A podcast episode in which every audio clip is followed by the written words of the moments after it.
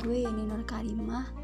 Gue masih duduk di kelas 11 SMK Tepatnya jurusan akuntansi.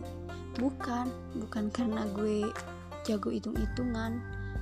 Ya tapi karena gue suka sih. Dan gue masih umur 17 tahun.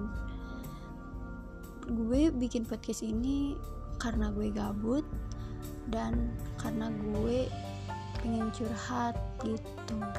Jadi segala yang gue alamin gue ceritain di podcast ini. So selamat mendengarkan.